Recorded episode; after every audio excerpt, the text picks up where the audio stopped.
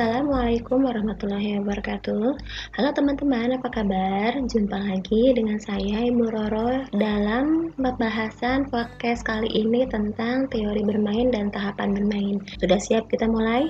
Jadi, asal-usul teori bermain ini sebenarnya dibagi menjadi dua, yaitu teori klasik dan teori modern. Nah, awalnya ini teori klasik merupakan teori yang muncul ketika dia masih berada di abad ke-19, yaitu pada Perang Dunia Pertama. Dia muncul, teori klasik ini terbagi menjadi yang pertama adalah teori surplus energi, teori rekreasi, kemudian teori rekapitulasi, dan yang terakhir adalah teori praktis atau insting. Kita bahas dari dari mulai yang pertama ya, teori surplus energi. Teori ini dikemukakan oleh Friedrich Schiller dan Herbert Spencer yang merupakan seorang filsuf dari Inggris. Nah, menurut para ahli ini adalah anak-anak itu bermain karena dia memiliki surplus energi. Spencer sendiri berpendapat bahwa dia bermain, anak-anak itu bermain terjadi akibat energi yang berlebihan dan pada manusia dan binatang sehingga merupakan wujud dari tingkat evolusi yang tinggi. Ini dikutip oleh Diana pada buku Fadilah ya. Karena kelebihan tenaga seperti ini, maka apabila tidak disalurkan maka dapat mendorong anak-anak berlaku hal yang negatif. Sehingga kalau kita simpulkan, teori surplus energi ini maksudnya bermain merupakan sarana bagi anak-anak dalam menyalurkan energi berlebih sehingga mereka tidak menyalurkan energi ini pada hal-hal yang negatif. Oke, sekarang kita berlanjut ke teori klasik selanjutnya yang kedua adalah teori rekreasi. Nah, teori ini dikemukakan oleh Maurice Lazarus. Menurut Lazarus, salah satu tujuan bermain adalah untuk memulihkan energi yang sudah terkuras saat bekerja, karena bekerja menguras dan menyebabkan berkurangnya tenaga yang dikutip oleh Diana dalam buku Fadilah. Bermain adalah lawan dari bekerja dan merupakan cara yang paling ideal untuk memulihkan tenaga. Apabila energi sudah digunakan untuk melakukan pekerjaan, maka anak-anak menjadi lelah dan kurang bersemangat. Dengan bermain, anak-anak bakal akan memperoleh energi lagi dan dia akan kembali aktif dan kembali bersemangat.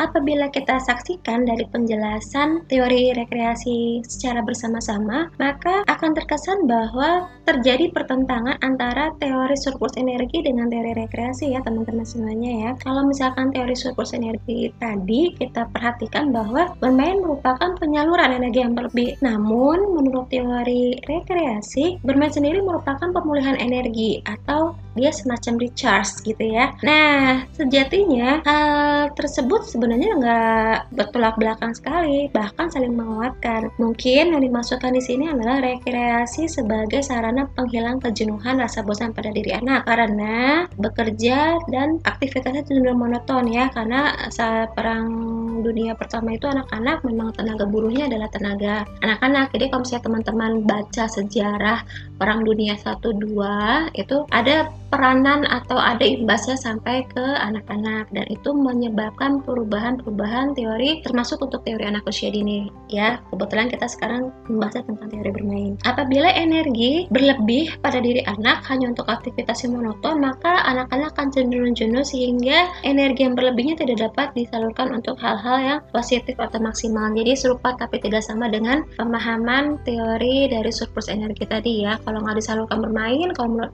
energi maka akan dilampiaskan pada hal yang negatif. Kalau dari teori rekreasi, kalau misalkan uh, bermain fungsinya adalah buat self healing, um, buat membuat anak bahagia, gak monoton itu. Selanjutnya kita akan membahas teori klasik khusus yang ketiga yaitu teori rekapitulasi. Teori ini dikemukakan oleh G. Stanley Hall. Menurutnya adalah anak merupakan mata rata evolusi dari binatang sampai menjadi manusia, termasuk permainan anak yang merupakan ulangan dari kehidupan nenek moyangnya. Maksudnya apa sih? Maksudnya adalah kegiatan bermain di sini dimaksudkan sebagai peristiwa pengulangan terhadap apa yang pernah dilakukan nenek moyangnya seperti yang masa lampau. Misalnya Misalnya bermain air, bermain tanah, berayun. Jenis permainan itu adalah jenis yang disukai anak-anak di seluruh penjuru dunia. Selanjutnya adalah yang terakhir dari teori klasik yaitu teori praktis atau insting. Teori ini dicetuskan atau dikemukakan oleh Carl Gross. Menurutnya, bermain dimaksudkan sebagai upaya untuk memperkuat insting yang dibutuhkan oleh anak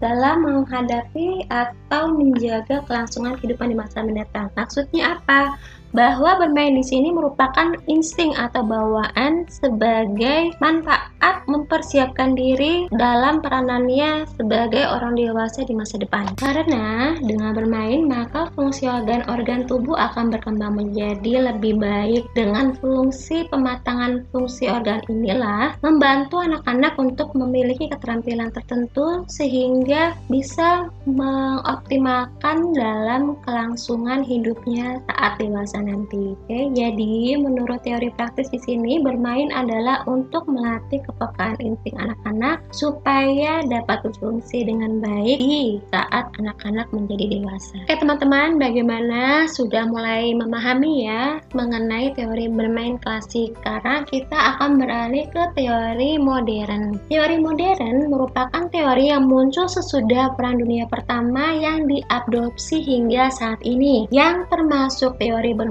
periode modern terdiri dari yang pertama adalah teori kognitif dari Sampiase. Kemudian dari Sampiase ini teman-teman pasti sudah pernah mendengar namanya cognitive development ya, perkembangan kognitif. Ada empat, ada sensori motor, ada praoperasional, ada operasional konkret, dan satu lagi ada yang masih ingat apa? Ya, satu lagi adalah operasional formal. Oke, okay? saya tidak akan membahas mengenai detail dari sensori motor ini hingga operasional formal ya yang perlu disimpulkan dari teori modern menurut Piaget ini adalah bahwa pengetahuan anak dapat dibangun dan dikembangkan melalui kegiatan bermain. Bermain bagi anak merupakan cerminan sikap pengetahuan dan dapat memberikan sumbangan terhadap perkembangan kognisi anak. Oke, okay? jadi uh, dapat dipahami ya bahwa menurut Brunner pun bahwa bermain di sini merupakan proses berpikir secara fleksibel dalam menentukan atau menuntaskan permasalahan dihadapi oleh anak sehingga sampai saat ini pun dapat dipahami bahwa proses pemahaman anak-anak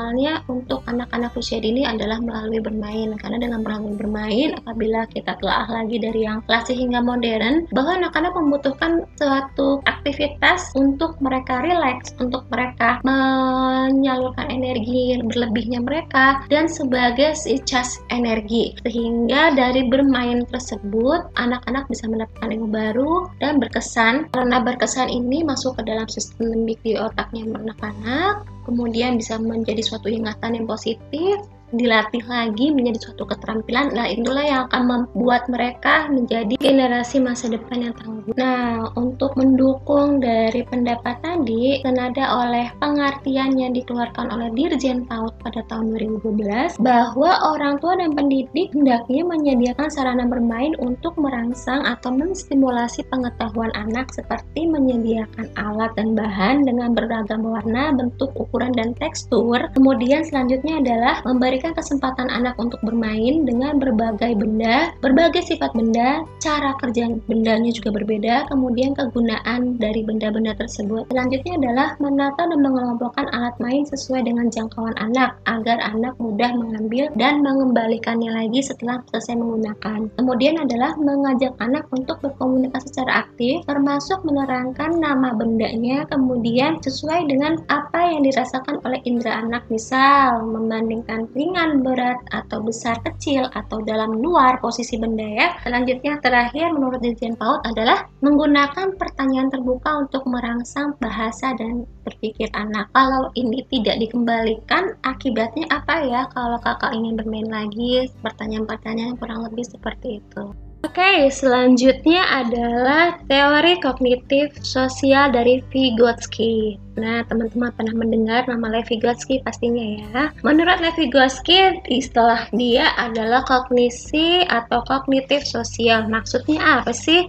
Maksudnya itu pengetahuan anak dipengaruhi oleh hubungan sosial anak. Menurut Vygotsky, dalam buku Fadila, perkembangan anak itu bukan hanya dipengaruhi oleh kegiatan anak ketika memainkan mainan, akan tetapi juga dipengaruhi oleh hubungan anak dengan orang dewasa dan teman sebayanya yang lebih matang usianya. Bahkan karena pada saat bermain, anak secara tidak langsung bahkan berinteraksi dengan teman-temannya saat bermain. Saat inilah terjadi komunikasi antara anak dengan orang dewasa atau teman sebayanya. Interaksi inilah yang kemudian menurut Vygotsky merupakan proses anak dalam mendapatkan pengetahuan baru. Dalam dalam eksperimennya, Vygotsky menggunakan istilah ZPD atau Zone of Proximal Development. ZPD ini merupakan pengertian dari kemampuan yang sudah dikuasai oleh anak secara matang sampai kemampuan yang baru muncul sehingga perlu dibantu oleh orang dewasa agar lebih optimal. Kemudian, proses orang dewasa membantu anak inilah dalam membangun pengetahuan dan pemahamannya disebut scaffolding atau pijakan. Seperti teman-teman ketahui bahwa ketika sentra itu ada pijakan-pijakan kebijakan yang harus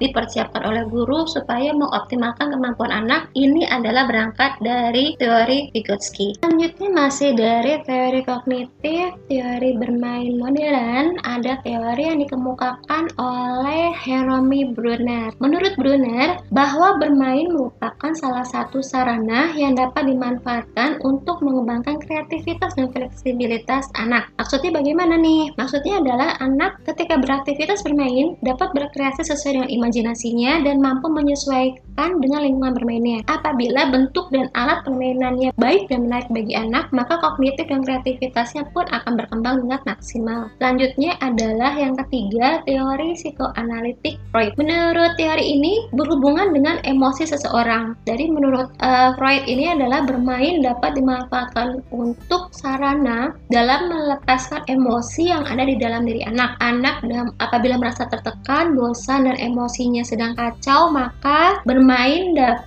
dijadikan sebagai alat penawarnya. Dengan bermain, segala kepenatan anak akan terobati, kemudian anak bisa menyalurkan semua ekspresi yang terpendamnya dengan maksimal dan tanpa tekanan dari siapa pun. Terakhir adalah teori otak triun yang dikemukakan oleh Dr. Paul MacLean. Ya, menurut beliau, otak manusia termasuk anak-anak itu terdapat tiga bagian yang saling berhubungan yaitu otak reptil, limbik, dan kortek. Ini diungkapkan oleh Arumi 2009 halaman 36 dan Fadila 2014 halaman 14. Otak reptil, bisa nama lainnya adalah batang otak, merupakan salah satu bagian otak yang berfungsi sebagai sarana mempertahankan diri ketika seseorang menghadapi persoalan tertentu. Ya, jadi dalam konteks pembelajarannya apabila anak mengalami keadaan tertekan atau dia merasa terancam, takut, stres gitu kan, maka hanya otak reptil ini yang dapat bekerja dengan baik sedangkan bagian otak lain tidak. Oleh karena itu, apabila anak bagaimana triknya supaya tidak tertekan, pembelajaran harus dibuat dengan senyaman mungkin, uh, itu dengan bermain ya.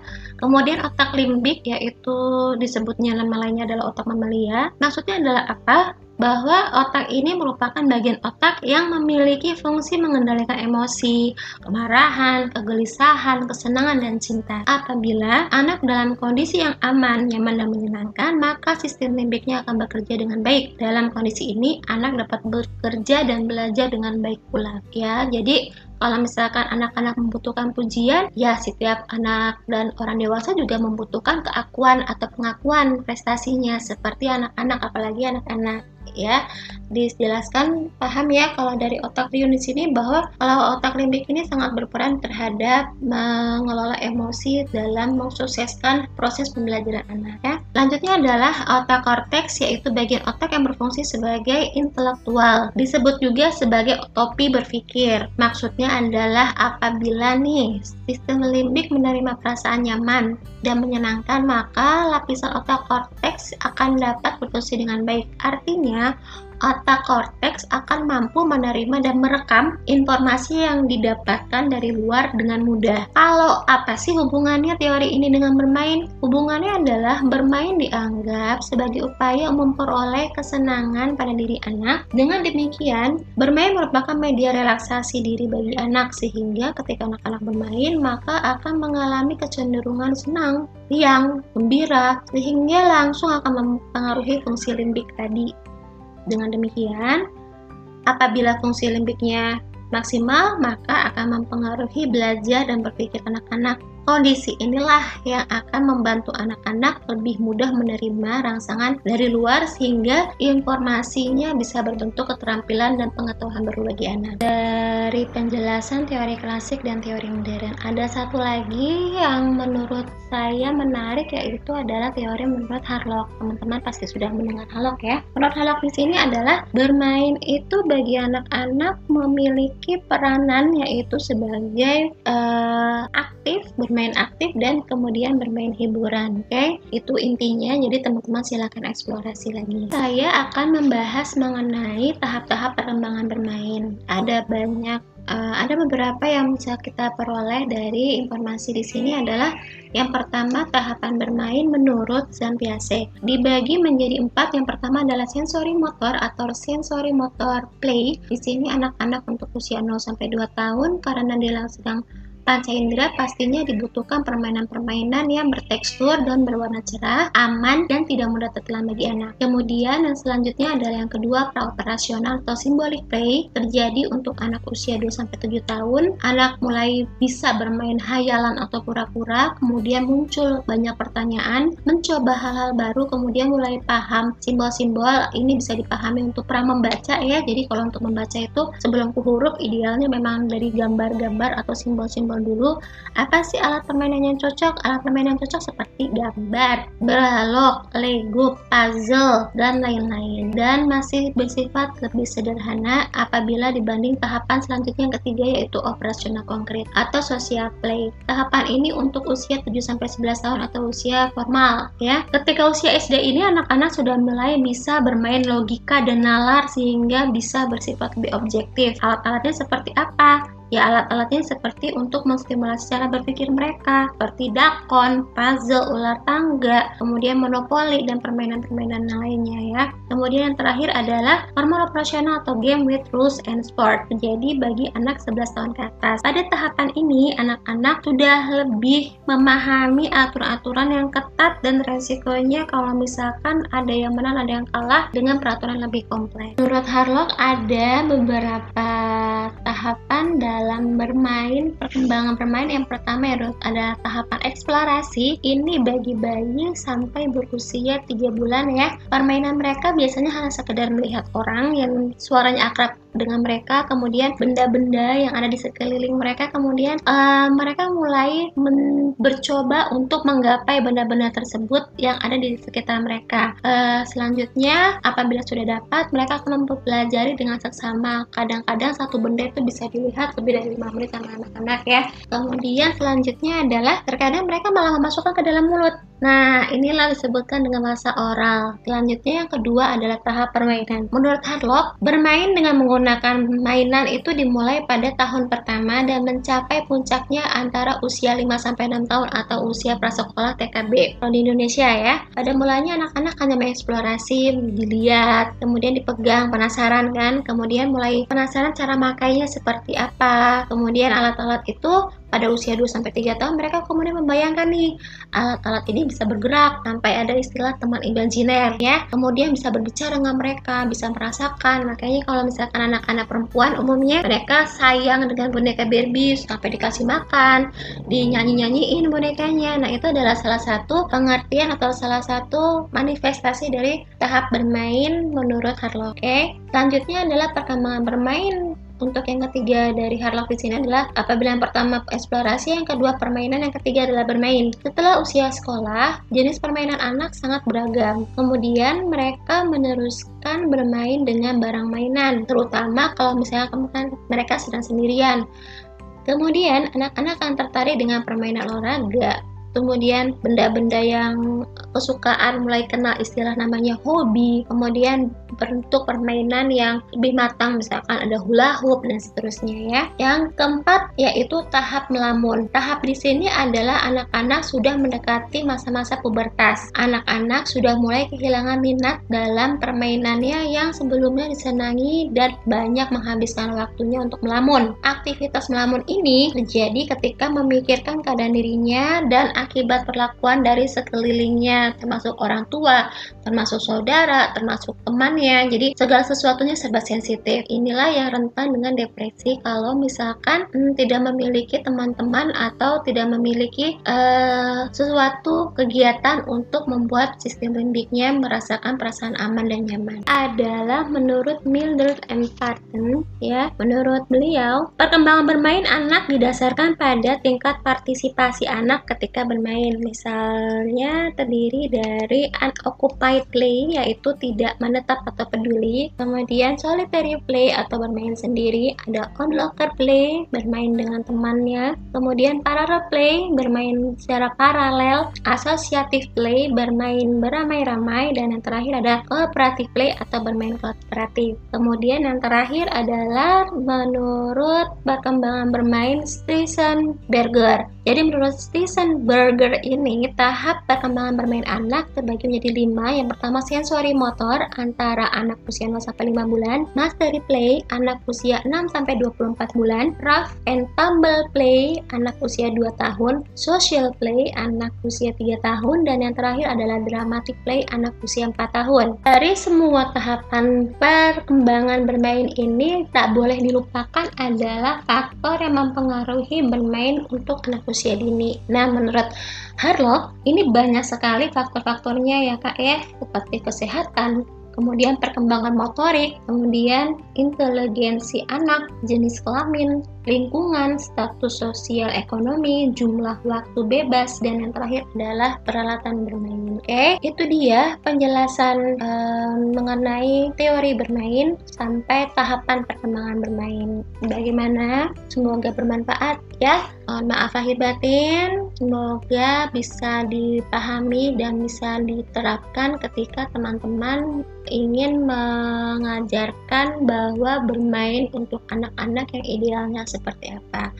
Oke, semangat, semuanya pasti bisa. Jaga kesehatan. Sampai jumpa lagi di podcast selanjutnya dengan pembahasan-pembahasan lainnya pastinya. Oke, sampai jumpa lagi ya. Terima kasih. Wassalamualaikum warahmatullahi wabarakatuh.